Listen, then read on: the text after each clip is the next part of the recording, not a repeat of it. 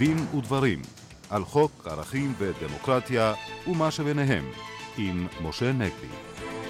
שלום לכם, בצוות התוכנית העורכת אורית ברקאי, טכנאית השידור לריסה בלטר כץ, כאן ליד המיקרופון משה נגבי ואיריס לביא. אלו לקחים ערכיים אקטואליים גלומים בסיפור מגילת אסתר, ומה הקשר בינם לבין הדרת נשים בישראל של 2013. נשוחח על כך עם האורחת שלנו באולפן, הפרופסור רחל אליאור, לשעבר ראש החוג למחשבת ישראל באוניברסיטה העברית. נדון כמובן גם בהיבטים עקרוניים של המיקוח הקואליציוני בכלל, וחזרתה הצפויה של ציפי לבני לתפקיד שרת המשפטים בפרט. פרשת העציר איקס, איש המוסד שהתאבד, חשפה את חולשת הבקרה הפרלמנטרית שעל השירותים החשאיים. בכך נדון עם אורחנו המשפטן הפרופסור מנחם הופנונג מהמחלקה למדע המדינה באוניברסיטה העברית. באולפנינו המומחה לדיני משפחה, עורך הדין קובי סגל, הוא יחווה דעה משפטית על פרשת הילד הישראלי החולה שהוריו שלחו אותו למנזר בתאילנד. אבל ראשית הערה בשולי מחאת העצירים והאסירים הפלסטינים, משה. כן, המחאה הזאת, כפי שאנחנו יודעים, איריס, היא שעומדת גם ברקע אותם אירועים אה, מצערים ואלימים אה, שאנחנו שומעים עליהם בראש מהדורות החדשות, אה, לצערנו, וברקע אותם חששות מאינתיפאדה שלישית. אני כמובן לא מכיר את המציאות בתוך אותם בתי כלא שבהם מוחזקים אותם עצירים, ויפה אמרת עצירים, כי חלקם הם אכן אנשים שמוחזקים במעצר מינהלי אה, ללא משפט, חלקם גם אסירים שהורשעו אה, בדין. אה, אני כמובן לא מכיר את התנאים באותם אה, בתי כלא, שהיו הרקע אה, לאותה אה, שביתת רעב אה, שפרצה. אני גם לא יודע כמובן אה, מה גרם לאותו דום לב. אה, של אותו עציר, אה, שאני מבין שממש היום אה, ניתחו או מנתחים את גופתו.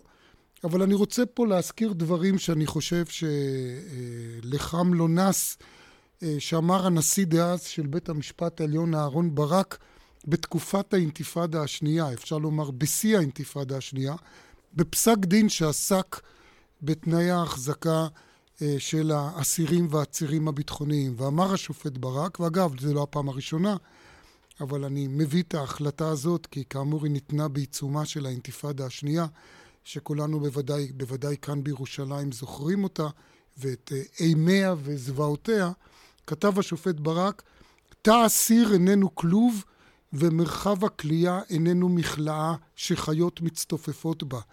גם החשודים בגרועים שבמעשי הטרור זכאים למעצר ברמה אנושית מינימלית ותוך הבטחת צורכי אנוש בסיסיים.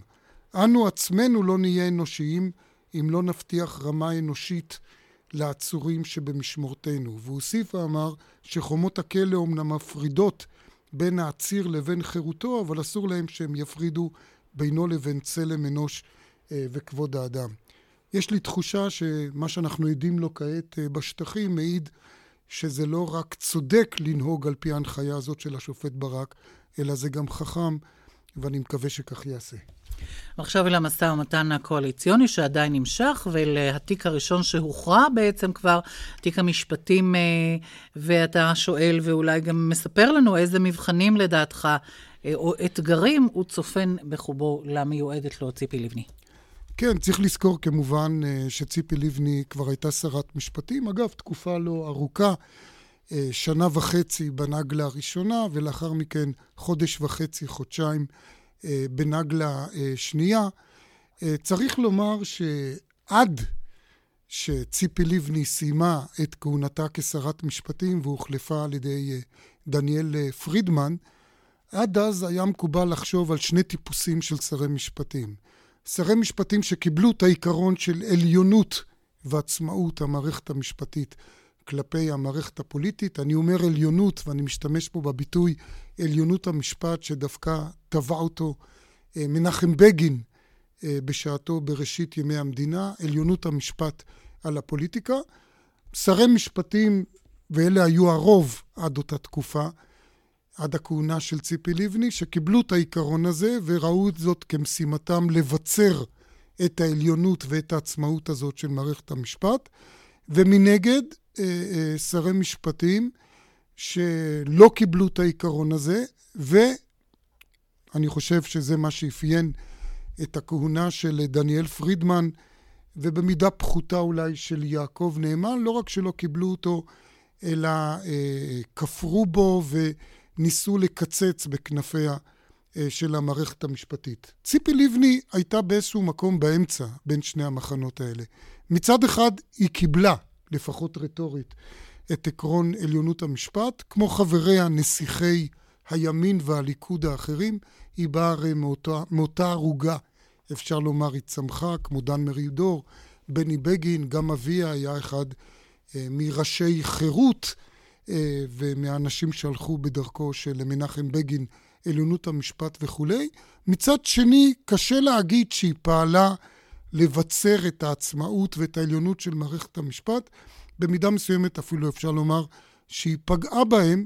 למשל, אם אנחנו יודעים שאחד החולאים הקשים של מערכת המשפט זה העומס, ולכן מינוי שופטים זה דבר מאוד קריטי, אה, ציפי לבני במידה רבה הקפיאה את אה, איוש התקנים החסרים גם בבית המשפט העליון, גם בערכאות אחרות, כתוצאה מכך שהשביתה את הוועדה לבחירת שופטים, בגלל שהוועדה לא הייתה מוכנה למנות את המועמדת שלה לבית המשפט העליון, פרופסור אה, רות גביזון.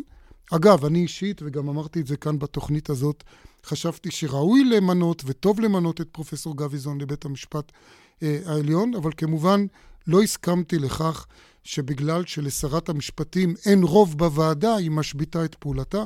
זה באיזשהו מקום בעיניי היה ועדיין אי קבלת כללי המשחק הדמוקרטי, הרוב נגדך תכבד את זה, ומי שרוצה יכול לראות לזה המשך בכך שציפי לבני לא קיבלה את ההכרעה בקדימה, אה, שלא בחרה בה לראש קדימה והלכה והקימה מפלגה אחרת אה, אה, וכולי. אם אנחנו מדברים באמת על מבחנים ואתגרים, איריס, אני חושב שהאתגר העיקרי אולי שציפי לבני תיבחן בו, זה אם אכן תהיה קדנציה מלאה לכנסת הבאה ולכהונה שלה כשר המשפטים, כשרת משפטים, מה שלא ברור כרגע, היא תצטרך להמליץ גם על פרקליט המדינה הבא, וזה כבר יקרה בעוד שנה, משה לדור אמור לפרוש, וגם על היועץ המשפטי הבא, אה, אה, יהודה ויינשטיין, ואני מאוד מקווה שבשני המינויים האלה היא לא תחזור על הטעות הפטאלית שהייתה במינוי של ויינשטיין כאשר לקחו ומינו סנגור אה, לתפקיד אה, ראש התביעה הכללית אה, במדינת ישראל. אני חושב שאת הפרי הבאושים של הטעות הזאת אה, אה, אנחנו אוכלים עד היום. אה, אני חושב שמאוד חשוב למנות גם לפרקליט מדינה, גם ליועץ משפטי, אדם שהוא מחויב וקנאי למיצוי הדין עם אנשי צמרת שסרחו, ולא אחד שרואה את עצמו כקונסיליירי שלהם. אני קצת חושש אם זה מה שציפי לבני תעשה, כי היא בעצמה, לצערי, אה, גם במפלגת קדימה וגם במפלגת התנועה, גילתה סובלנות לאנשי ציבור שסרחו והורשעו אה, ושמילאו תפקיד אה, בהקמת הפרויקטים והמיזמים הפוליטיים שלה. הבולט ביותר הוא כמובן חיים רמון, שהיה איש אמונה וכידוע עבריין מורשע. אבל בואו נקווה לטוב. עוד הערה אחרונה, הרבה דיברו על כך שציפי לבני הייתה זו שיזמה במידה רבה ואימצה את דוח טליה ששון אה, על המאחזים אה, הבלתי חוקיים. אני רוצה להגיד אבל שגם בנושא הזה, אומנם אה, היא, היא דאגה לכך שהדוח יאומץ, אבל בפועל, בשטח, אני לא חושב שמשהו השתנה מבחינת אותם מאחזים. פרופסור מנחם הופנונג, אם תרצה כמובן תוכל להתייחס גם למינוי של ציפי לבני, אבל אני רוצה קצת להרחיב את היריעה לגבי המשא ומתן הקואליציוני. כמו שאמרנו, התיק היחיד שהוכרע עד עכשיו, וההסכם היחיד נחתם עם התנועה אה, במשא ומתן הזה, ואתה אומר שזה בין השאר, הדשדוש הזה במשא ומתן נובע מפגם בחוק בעיניך. מפגם שהחוק מאפשר אותו. אני, אני אולי אתחיל להסביר מה הבעיה. אה, בישראל עולות אה, חדשות לבקרים הצעות לשינוי שיטת הממשל ושינוי שיטת הבחירות. נתחיל אולי עם תיקון טכני קטן בתוך השיטה, שיש לו יותר סיכוי לעבור. בפועל, מערכת הבחירות הנוכחית התחילה במחצית יולי, כאשר התפרקה ממשלת האחדות הלאומית. ואז היה ברור שאי אפשר להעביר את התקציב. אז הצליחו למשוך עוד כמה ימים עד תום מושב הקיץ, ואז הגיעו החגים, וכמו שהגיעו החגים, הקדימו את מערכת הבחירות, ונגמרו הבחירות, וקיים המשא ומתן הקואליציוני. לא יגיעו להחלטות מעשיות על שום תיקון ועל שום תקציב לפני אפריל, שזה תשעה חודשים של שיתוק. מה שאני שיתוק מצ... וגם ממשלה שבעצם אין עליה פיקוח פרלמנטרי כן, כן. אפקטיבי. כן, ממשלת מעבר גם אם לא להלכה, אז למעשה. אה, מפני שהיא הופכת לממשלת מעבר רק לאחר הבחירות. אה, לקצר את כל התקופות. אם הבריטים יכולים לעשות בחירות בהתראה של 21 יום, אין סיבה שאנחנו לא נוכל לעשות בהתראה של 42, 45 ימים. לגבי המשא ומתן הקואליציוני, היום יש תקופות של 28 ועוד 14, זה 42 יום, כאשר גם המשא ומתן קואליציוני, תוצאות הבחירות והזמנת ראשי הסיעות, זה היה 11 ימים לאחר הבחירות. זאת אומרת, זה כמעט חודשיים מיום הבחירות עד המועד האחרון שאפשר להקים קואליציה. אז היית ממליץ לקצר את זה למה? לשבועיים או משהו בחוק? אני הייתי ממליץ לקצר את זה ל-14 ו-7. זה מספיק. Mm. 21 יום, בהתחשב בזה שיש לפחות עוד שבוע מיום הבחירות עד פרסום התוצאות, זה בערך חודש. אתה בעצם אומר שהזמן לגמרי... הזה מייצר את כל הקוניונקטורות האלה ואת כל ה... הוא, הוא מביא לשיתוק, לחוסר קבלת החלטות. המדינה מתנהלת היום ללא תקציב. התקציב הוא למעשה, כשידוע שצריך להיות תקציב, ממשיך עוד להתנהל תקציב מנופח של השנה הקודמת, מפני שזה... ואתה גם מניח שאם הזמן... מפני שזה 1 חלקי 12 כל חודש. ואתה גם מניח, יש הנחה סמויה בדברים שלך, פרופסור אופנונג, שאם הזמן יהיה יותר קצר, אז, אז יגיעו גם להסכמים יותר מהר. אין שום וככה סיבה... יש פשוט... אין, כן, אין שום, שום דבר שמונע משא ומתן קואליציוני רציני תוך 30 יום מיום הבחירות. אם תאומץ ההצעה שלי, אמרתי, יש שבוע מהרגע ש... ראשוני, ואחר כך שבועיים. השבוע עד שמתפרסמות התוצאות. לאחר מכן עוד שבועיים, והארכה של שבוע, כל זה ביחד, זה כמעט חודש. זה קיצור ניכר של התקופה, עכשיו, הוא לא יפריע לניהול משא ומתן אולי בהמשך לחדד את מה שאתה אומר, אולי נזכיר עוד אה, דבר, שאומנם אני אישית לא מאמין, ואני חושב שרוב המשקיפים גם לא מאמינים שלא תוקם קואליציה בסופו של דבר, אבל נניח שזה יקרה, היום המצב החוקי הוא שאם נתניהו לא יצליח להרכיב קואליציה לאחר אותם חודשיים, כפי שאמרת, אז בחירות יתקיימו תוך 90 יום.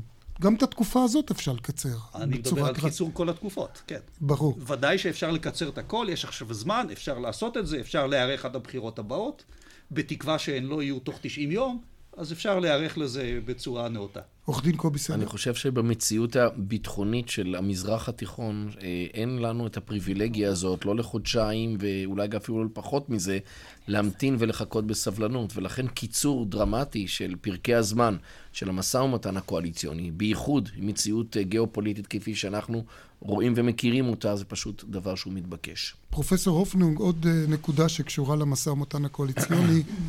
כמובן עומדת במוקד המשא ומתן, כרגע לפחות, ככה נדמה, זה הנושא הזה של השוויון בנטל. אני אזכיר שאתה כבר לפני יותר מ-20 שנה פרסמת ספר אה, מרתק על אה, ישראל, שלטון החוק אה, וביטחון המדינה, המתח הזה, ויש שם פרק שלם שעוסק בנושא הזה של גיוס, אי גיוס. איך אתה רואה את הדברים היום, בפרספק, בפרספקטיבה ההיסטורית שיש לך? אני, אני אומר בקיצור, אני בעד שוויון בנטל. אני לא חושב שמגיוס חרדים תצמח תועלת רבה. אה, מגיוס בכפייה. אה, מה שצריך לעשות זה לקצץ בכל ההטבות אה, שמאפשרות, ובמנגנון הפיקוח שמאפשר לרבנים בעצם לשמור את התלמידים בישיבות ולהטיל סנקציות ואיומים של גיוס לצבא. אם לא יינתנו אותם תמריצים נדיבים שהם ניתנים היום, ויוכלו מיד לצאת לשוק העבודה בגיל 18, אני משער שחלק מהם יבחרו גם באפשרות של גיוס. בשיטה שהיא קיימת, זאת אומרת, אם יגויסו כל החרדים, אנחנו עלולים גם להגיע למצב שלצה"ל אין מה לעשות עם אותם אנשים, תהיינה יותר תופעות קשות של הדרת נשים, שזה נושא שאני מבין שאנחנו נדון עליו בהמשך הערב, אי אפשר יהיה לגייס עשרות אלפי חרדים ולשמור על כן. צה"ל כפי שהוא היום. וגם אולי לתגמל את האלה שתורמים ואת אלה כן, שמתגייסים שכר כמובן. מינימום אולי לחיילים כן. שכן אז אני אומר. אם את אותן הטבות יעברו לאלה שמשרתים, אז זה מנגנון שהוא יעזור לשאת יותר בנטל. פרופסור רחל אליאור? אני נגד גיוס בכפייה, קודם כל. ואני בעד השוואה מוחלטת של הזכות ללמוד. בדיוק את אותו נכס שהחרדים רוצים בו, אני רוצה אותו לכל הילדים החילונים, בדיוק באותה מידה. כשם שהם אוהבים את לימוד תורה, אני אוהבת את הלימוד בכלל. זה יכול להיות לימוד מתמטיקה, מוזיקה, פילוסופיה יהודית, ציור, ישראל. אומנות או מחשבת ישראל. כלומר, אני רואה כאי צדק מוחלט את הרעיון שלקבוצה אחת באוכלוסייה יש את הזכות ללמוד כזכות עדיפה על כל דבר אחר. ואילו לכל שאר הקבוצות באוכלוסייה, הזכות הזו נמנעת מהן. הלוא שלוש השנים שהילדים שלנו מבלים בצבא, גם הן יכולות להיות מנוצלות בשיטה, בצורה טובה לאין ארוך, לטובת המדינה ולטובת עצמם. אילו היו מושקעות בלימוד. מבחינתי, אילו הדבר היה ניתן, ואני לא נכנסת כאן לשיקול הביטחוני שאינני בקיאה בו, אבל באופן תיאורטי, אם היינו יכולים לקצץ את זמן הגיוס לכולם, ואם היינו יכולים לתת לכל אדם ואדם לבחור אם הוא רוצה ללמוד או הוא רוצה להתגייס, אחרי תקופת מינימום של הכשרת, של הכשרה וחיול צבאי של כל מי שרוצה ויכול, את כל שאר הזמן הייתי רוצה שהמדינה תתמוך במידה שווה בכל מי שרוצה ללמוד. סגל? אני חושב שההשוואה שמעלה פרופסור אליאור היא באיזשהו מקום בעייתית, מכיוון שלימוד מהסוג של אה, צעיר חילוני הוא לימוד שבדרך כלל מכוון מטרה.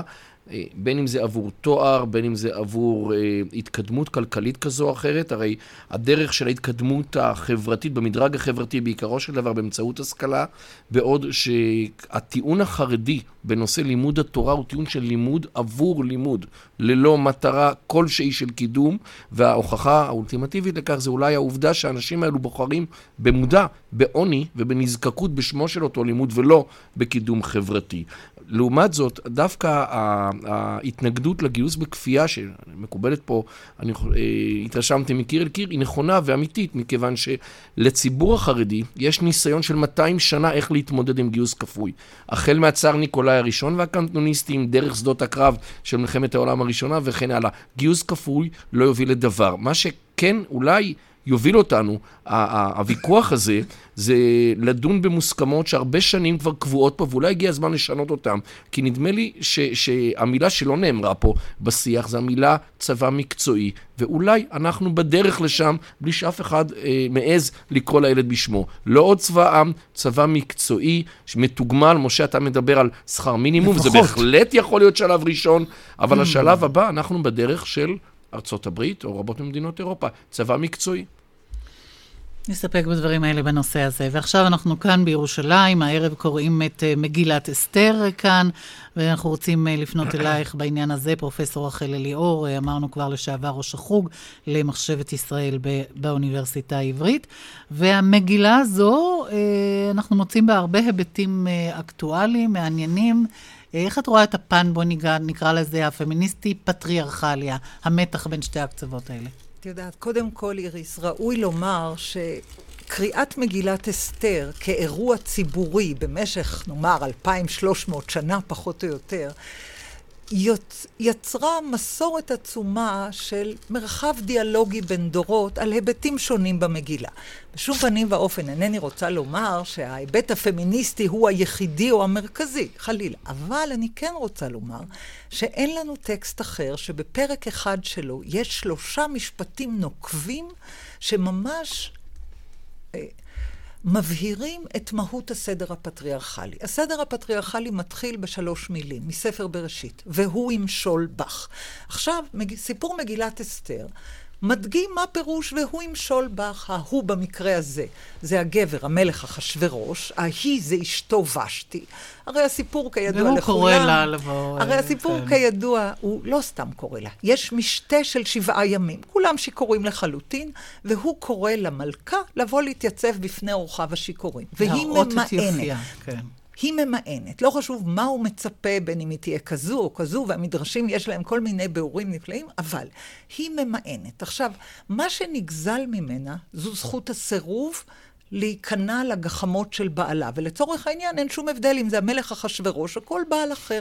על פי מגילת אסתר, עצם הסירוב או המעון של המלכה לעשות את דבר המלך, גורר תוצאות מפליגות. עכשיו, אומרת המגילה ככה, ואלה באמת, אני אקריא בקיצור נמרץ, המשפטים יפים מאוד. יועצי המלך אומרים לו, כי אם הוא יקבל את המעון והסירוב הזה ויעבור עליו בשתיקה, כי יצא דבר המלכה על כל הנשים להבזות בעליהן בעיניהן. באומרם המלך אחשורוש אמר להביא את ושתי המלכה לפניו ולא בא, ו...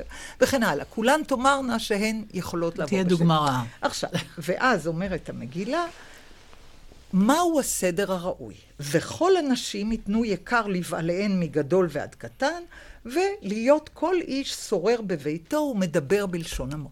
עכשיו, מה המשמעות של זה? מה פירוש כל איש שורר בביתו? מה פירוש כל, אה, כל הנשים חייבות לתת כבוד ויקר לבעליהן? וכי באיזשהו מקום כתוב שהגברים חייבים לתת כבוד ועיקר לנשותיהם, וכי באיזשהו מקום כתוב שדעתן נחשבת, קולן נשמע. אני רואה בפ... בפרק א' של מגילת אסתר כבסיס דיון לכל הסדר הפטריארכלי. משום שמה נגזל מנשים במגילת אסתר? בדיוק מה שנגזל מהם לאורך אלפי שנים. את הזכות להשמיע קול. את הזכות להביע דעה, את הזכות לשאת ולתת על הוראה שאיננה מתקבלת על דעתה. וכאן המקום להזכיר שבחוקי המעמד האישי במדינת ישראל, אלפי שנים לאחר מכן, במדינה דמוקרטית, ליברלית, הומניסטית, כל הנשים נמצאות בדיוק באותו מקום. אסור להן להשמיע קול בבית הדין הרבני, כי הלא אישה איננה דנה ואיננה מעידה. דעתה לא נחשבת, למרות שיש היום שיפור ויש טוענות רבניות, אבל בעיקרון, כל הנשים בבית הדין הרבני נשפטות על פי חוקים שהן מעולם לא לקחו חלק בחקיקתן, בביאורן, בפירושן, אין צריך לומר בשפיטתן. הן בבחינת נוכחות נפקדות. איש לא נותן להם להביע דעה מה דעתם על החוקים האיומים האלה, שמבוססים על הרעיון שהאישה נטולת ריבונות, שהיא קניין של בעלה, שהוא יכול לגרש אותה והיא איננה יכולה לגרש אותו. הלוא הסדר, דיני המעמד האישי, שמבוססים על התורה ועל ההלכה, מבוססים על אפליה מוחלטת. לנשים אין בהם שום מעמד. וראוי להתריע ולבקש בתחום הזה ובו בלבד, הפרדה מוחלטת בין הדת למדינה. משום שיש אי צדק מוחלט להפלות את כל ציבור הנשים במקום שבו הדין האישי חל על כל הנשים במדינת ישראל, בלי קשר לאורחות חייהם. בכל הקבצים האחרים של החוק, או לפחות ברובם המכריע, יש שוויון ויש ביקורת משפטית ויש uh, יש כנסת דמוקרטית ששוקלת ושואלת וזה. בבתי הדין הרבניים, לנשים אין קול, אין מעמד, אין ביקורת, אין שוויון, אין כבוד. יש בזה משהו מחריד. ואני רוצה ברשותך לצטט משפט אחד שאומר שאומר הדין לצורך העניין, סליחה, לפני הדין, שאומר יוסף בן מתתיהו, שבא להסביר את דיני המעמד האישי למי שאינם יהודים. הוא מבאר את הפסוק והוא ימשול בך, ואומר יוסף בן מתתיהו בספרו נגד אפיום ככה. והתורה אומרת כי האישה פחותה מהגבר לכל דבר, ועל כן עליה לשמוע בקולו. לא למען השפלתה, אלא למען ימשול בה, כי אלוהים נתן לגבר את סמכות השלטון. סמכות השלטון הזו שאלוהים נתן לגבר כביכול, מנוצלת היום לחלוטין במרחבים שאין בינם ובין הדת ולא כלום. הרי ההפרדה באוטובוסים, ההפרדה בסניפים בביטוח לאומי או בקופות חולים או בבנקים, מבוססת על אותו רעיון שאלוהים נתן לגבר את זכות השלטון, והוא יכול לעשות כטוב בעיניו. ירצה רב הכותל ויאסור על נשות הכותל להתפלל כרצונם עם טליתות או תפילין, יאסור. וכי למה? מי נתן לרב הכותל את הרשות להשתיק את הנשים, למנוע מהן להתפלל, להדיר אותן מהמרחב הציבורי? ונזכיר שיש ביניהן נשים אורתודוקסיות. ללא צל של ספק. נשים מכל המינים, לצורך העניין, אם זו אישה יהודייה עולה חדשה מארצות הברית או מאוסטרליה, או זו אישה ישראלית שרוצה לבוא לרחבת הכותל להתפלל על ילדיה, או סתם אישה מכל סוג שהוא שרוצה לברך את החודש בברכת החודש בכותל. וכי למה לרב הכותל יש רשות וגם אישור מבג"ץ להדיר נשים מהמרחב הציבורי הדתי? ולזה בדיוק מה שאמר יוסף בן מתתיהו. אלוהים נתן לגבר את רשות השלטון, ואנשים ישתקו, יסתלקו, יודרו וכן הלאה.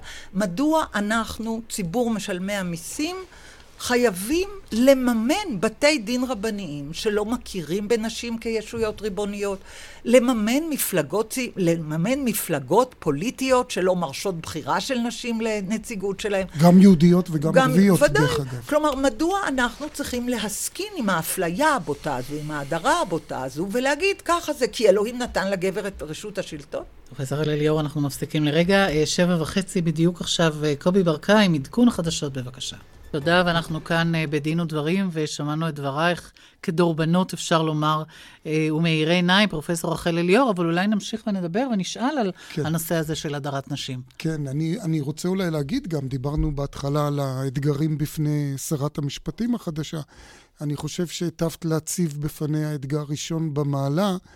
אה, אני רק אזכיר שבשעתו היא קיבלה תמיכה מאוד גדולה מנשים והציגה את עצמה אה, כפוליטיקאית אה, פמיניסטית, אז את אומרת, הדרך לשוויון הנשים עובר בהכרח בהפרדת דת ומדינה. זה אחת משתי הדרכים. הדרך השנייה היא להוסיף לחוקי היסוד את חוק שוויון זכויות האדם. אתה יודע היטב שאין בחוקי היסוד שלנו חוק שמבטיח שוויון זכויות. נכון. אני מזכירה שהמשפט הפותח של הכרעת קצב, שזה היה משפט מצמרר, שהתחיל במשפט לכל אישה זכות על גופה, זכות לכבוד, זכות לחירות, אין לאף אחד את הזכות ליטול כל אלה ממנה, כתבו השופטים את הפסיקה הראויה במשפט כזה. אבל מה חסר במשפט הזה? חסר באופן בולט את הזכות לשוויון, את הזכות לזה שאישה תהיה שווה בחוקי מדינת ישראל. הרי זה לא יעלה על הדעת שמחצית מהאוכלוסייה איננה נהנית משוויון, נכון? כן. עורך דין קובי סגל, אתה מופיע הרבה בפני אותו בית דין רבני שנזכיר, כמעט בכל המקרים הוא דן בין גבר לאישה, אבל השופטים הם תמיד גברים שם, לנשים אין דריסת רגל לשבת אה, בדין.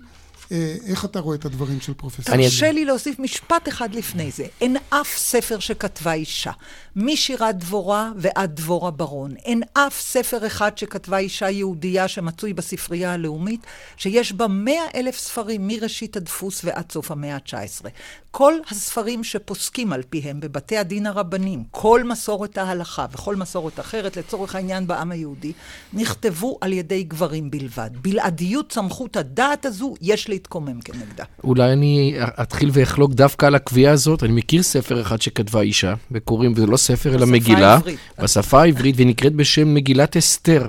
ואולי כאן באמת, אה, אה, דווקא אותה מגילה שבה את רואה... דוגמה למעמדה הנחות והפגום של האישה, ניתן לראות בה, הרי מה שנפלא זה בהזמנה לשיח, לקריאה פומבית שמאפשר ראייה של אותו טקסט מזווית הפוכה לחלוטין ממה שהצעת. אבל גם מהשיח הזה בעצם מדירים נשים במידה מסוימת.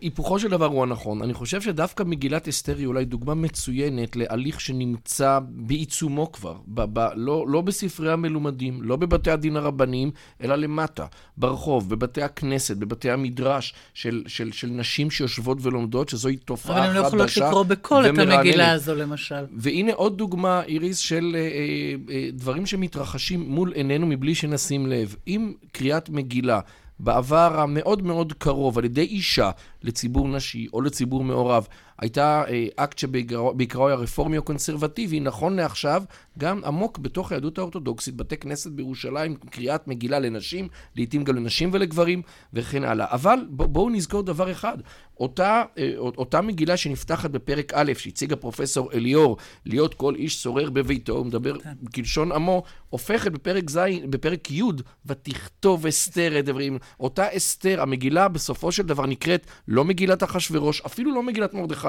היא מגילת אסתר, כי מי שמקבל את ההחלטה זו דווקא הדמות הנשית. כך שניתן לראות בדיוק הפוך. פרופסור אופנונג? כן, אני אומר בקיצור שבכנסת הזאת יש מספר שיא של נשים שלא היה כמוהו באף כנסת בישראל. עדיין הרבה פחות מהשיעור כן, שלהם כן, באוכלוסייה. אבל כן. הכיוון. ראוי לנצל את זה. ואם יש הזדמנות, וחשוב אולי לנצל אותה הפעם, זה לצאת ביוזמת חקיקה, ולא רק בהקשר של הדת היהודית, אלא בכל בתי הדין הדתיים במדינת כן. ישראל, בכולם יושבים גברים. בלבד. ו- בלבד. כן. וכך, הקשר הזה שקיים בין הדין הדתי לבין אה, מעמד האישי, האישה, הגיע הזמן לנתק אותו ולשפר אותו לטובת גורדי. אנחנו כאן בדין ודברים, נצא להפסקת אה, פרסומת, מיד חוזרים.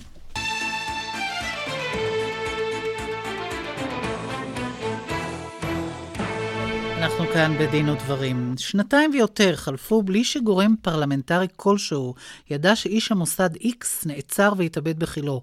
אנחנו רוצים לפנות אליך בעניין הזה, המשפטן וחוקר מדע המדינה, פרופ' מנחם הופנוג מהאוניברסיטה העברית. מה זה אומר באמת על הסמכות הפרלמנטרית, על האמצעים החשאיים? אני חושב שהפרשה הזאת של בן זיגר צריכה להדליק אור אדום לכולנו. העובדה שאדם הוחזק כשמונה חודשים בכלא ישראלי בבידוד, והצליח להתאבד למרות שהוא היה בתא הכי שמור, ועברו עוד שנתיים ויותר עד שהציבור נודע על זה, על הפרשה, זה... אין, אין נורה אדומה שלא נדלקה פה. בהקשר הזה גם חשוב לומר שתחת הפרשה הזאת, אנחנו היום יודעים שקודמה הצעת חוק שנועדה אה, לאסור כל פרסום של חומרי חקירה אה, מכל כלשהם. ואותה הצעה, למזלנו, נתקעה. עכשיו אנחנו מבינים מה היה הרקע. אה, זה כלל איסור גורף על פרסום חומר תיק חקירה, איסור העברת חומר מתיק חקירה על ידי עובר ציבור, אה, איסור העברת חומר על ידי אה, חשוד, נאשם או סנגור, ואיסור פרסום צילום פעולות אכיפה. כל הדברים האלה היו בהצהרות שגובשו במשרד המשפטים. אם אנחנו לוקחים, אם החוק הזה היה עובר, אולי לא היינו יודעים מעולם על הפרשה הזאת. עד כדי כך זה חמור. עכשיו אני שואל את עצמי, מה אפשר לעשות במישור של הפיקוח? הרי יש לנו ועדת שירותים חשאיים uh, בכנסת. אה, לא, לא היית חושב שאולי צריכים להכניס איזה סנקציות למקרה, לקבוע חובות דיווח תקופתיות? נגיד, איזה עצירים אה, מוחזקים תחת צו איסור פרסום אה, במדינת ישראל, שמדי חודש, חודשיים, כל תקופה שנקבע, ראש השב"כ יצטרך להופיע, או כל גורם אחר, ולדווח לאותה ועדה.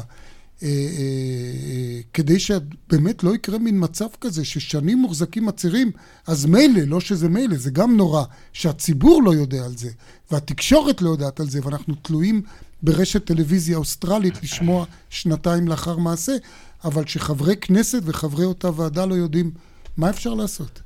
תראה, יש לזה גם פתרונות שקיימים במדינות אחרות.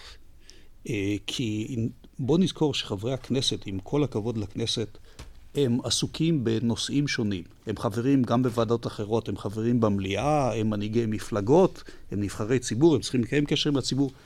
אין להם זמן רק לזה.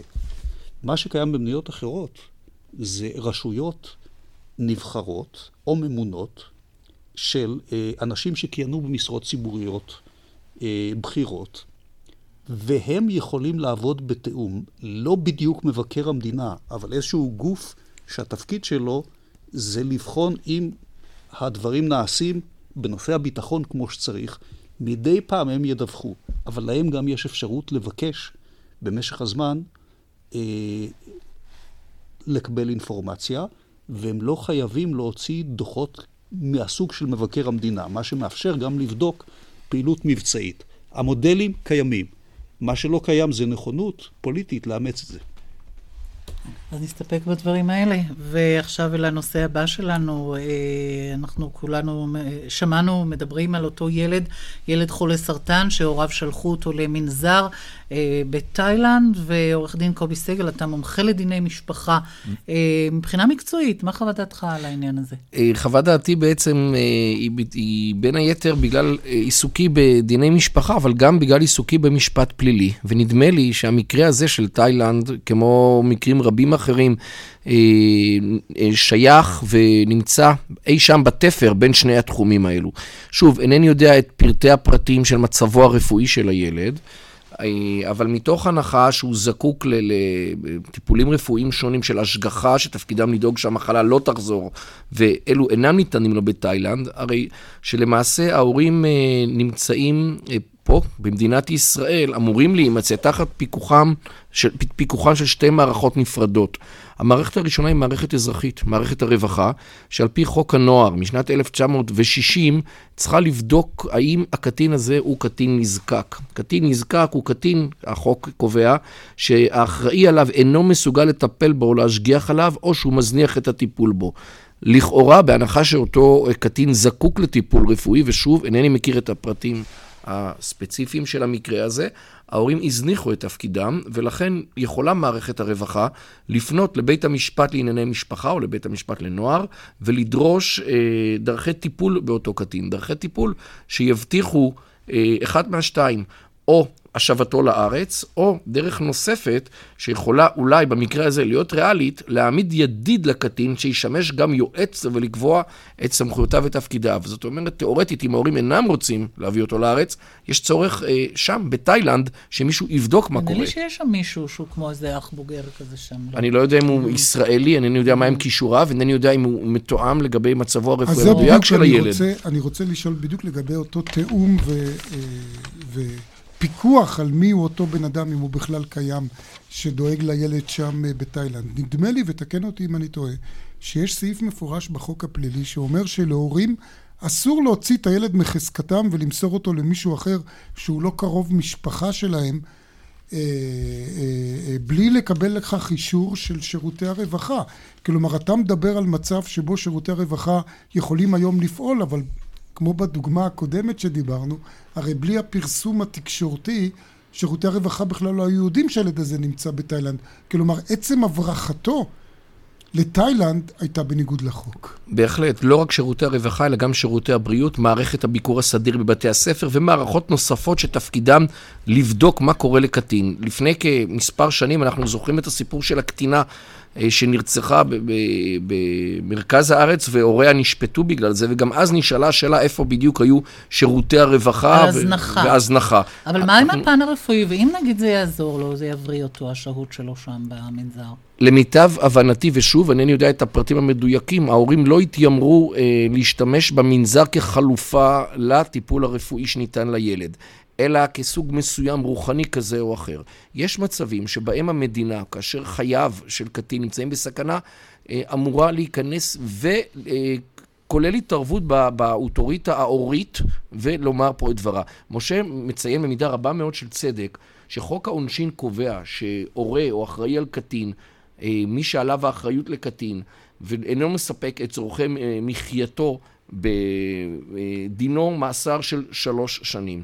עכשיו, העבירה הזאת ניתן לפתוח בחקירה בגינה גם כאשר הילד נמצא בתאילנד, מכיוון שעבירה של מחדל, עבירה של רשלנות, ש- שהמעשה היה אמור להתבצע פה בארץ, יש אה, סמכות לבית משפט ישראלי אה, לומר פה את דברו. לכן משטרת ישראל, על פניו, בהנחה שהילד אינו מקבל שם טיפול רפואי, יכולה ואולי אפילו חייבת לומר פה את דברה. אגב, אם ההורים היו נוסעים איתו ושוהים איתו שם, כלומר, מוציאים אותו ממערכת הלימוד, ושוהים איתו שם מתוך אותו רעיון שאתה אומר, רוחני-בריאותי, זה היה סביר? הם זה היה עדיין קביל? צריכים לבקש רשות משירותי הרווחה לעשות את זה, וממערכת החינוך. אגב, איריס, אם באמת זה עוזר לו רפואית, יכול להיות ששירותי הרווחה נותנים את האישור. אני, אני, יודע, יודע, אני מעריך שבמקרה מעין זה ההתערבות הייתה הרבה הרבה הרבה יותר הססנית והרבה יותר, אה, היו, מקש... היו מכבדים הרבה יותר את האוטוריטה ההורית. לא כך הם פני הדברים כאשר הילד נמצא שם בסופו לבד. של דבר, לבד, לבד. ללא הוריו. באופן מחתרתי גם. כן. נסיים. עד כאן, תוכניתנו להיום. תודה רבה לכל אורחינו, לפרופסור רחל אליאור, לפרופסור מנחם אופנונג, לך עורך דין קובי סגל. עורכת התוכנית, אורית ברקאי, טכנאית השידור לריסה בלטר כץ, באולפן היינו משה נגבי ואיריס לביא. ניתן להאזין לנו באתר רשת ב' באינטרנט, במרשתת. נשוב בשידור חי של דין ודברים ביום ראשון הבא. אחרינו כאן, מהדורת מבט מהערוץ הראשון. ערב טוב וחג שמח.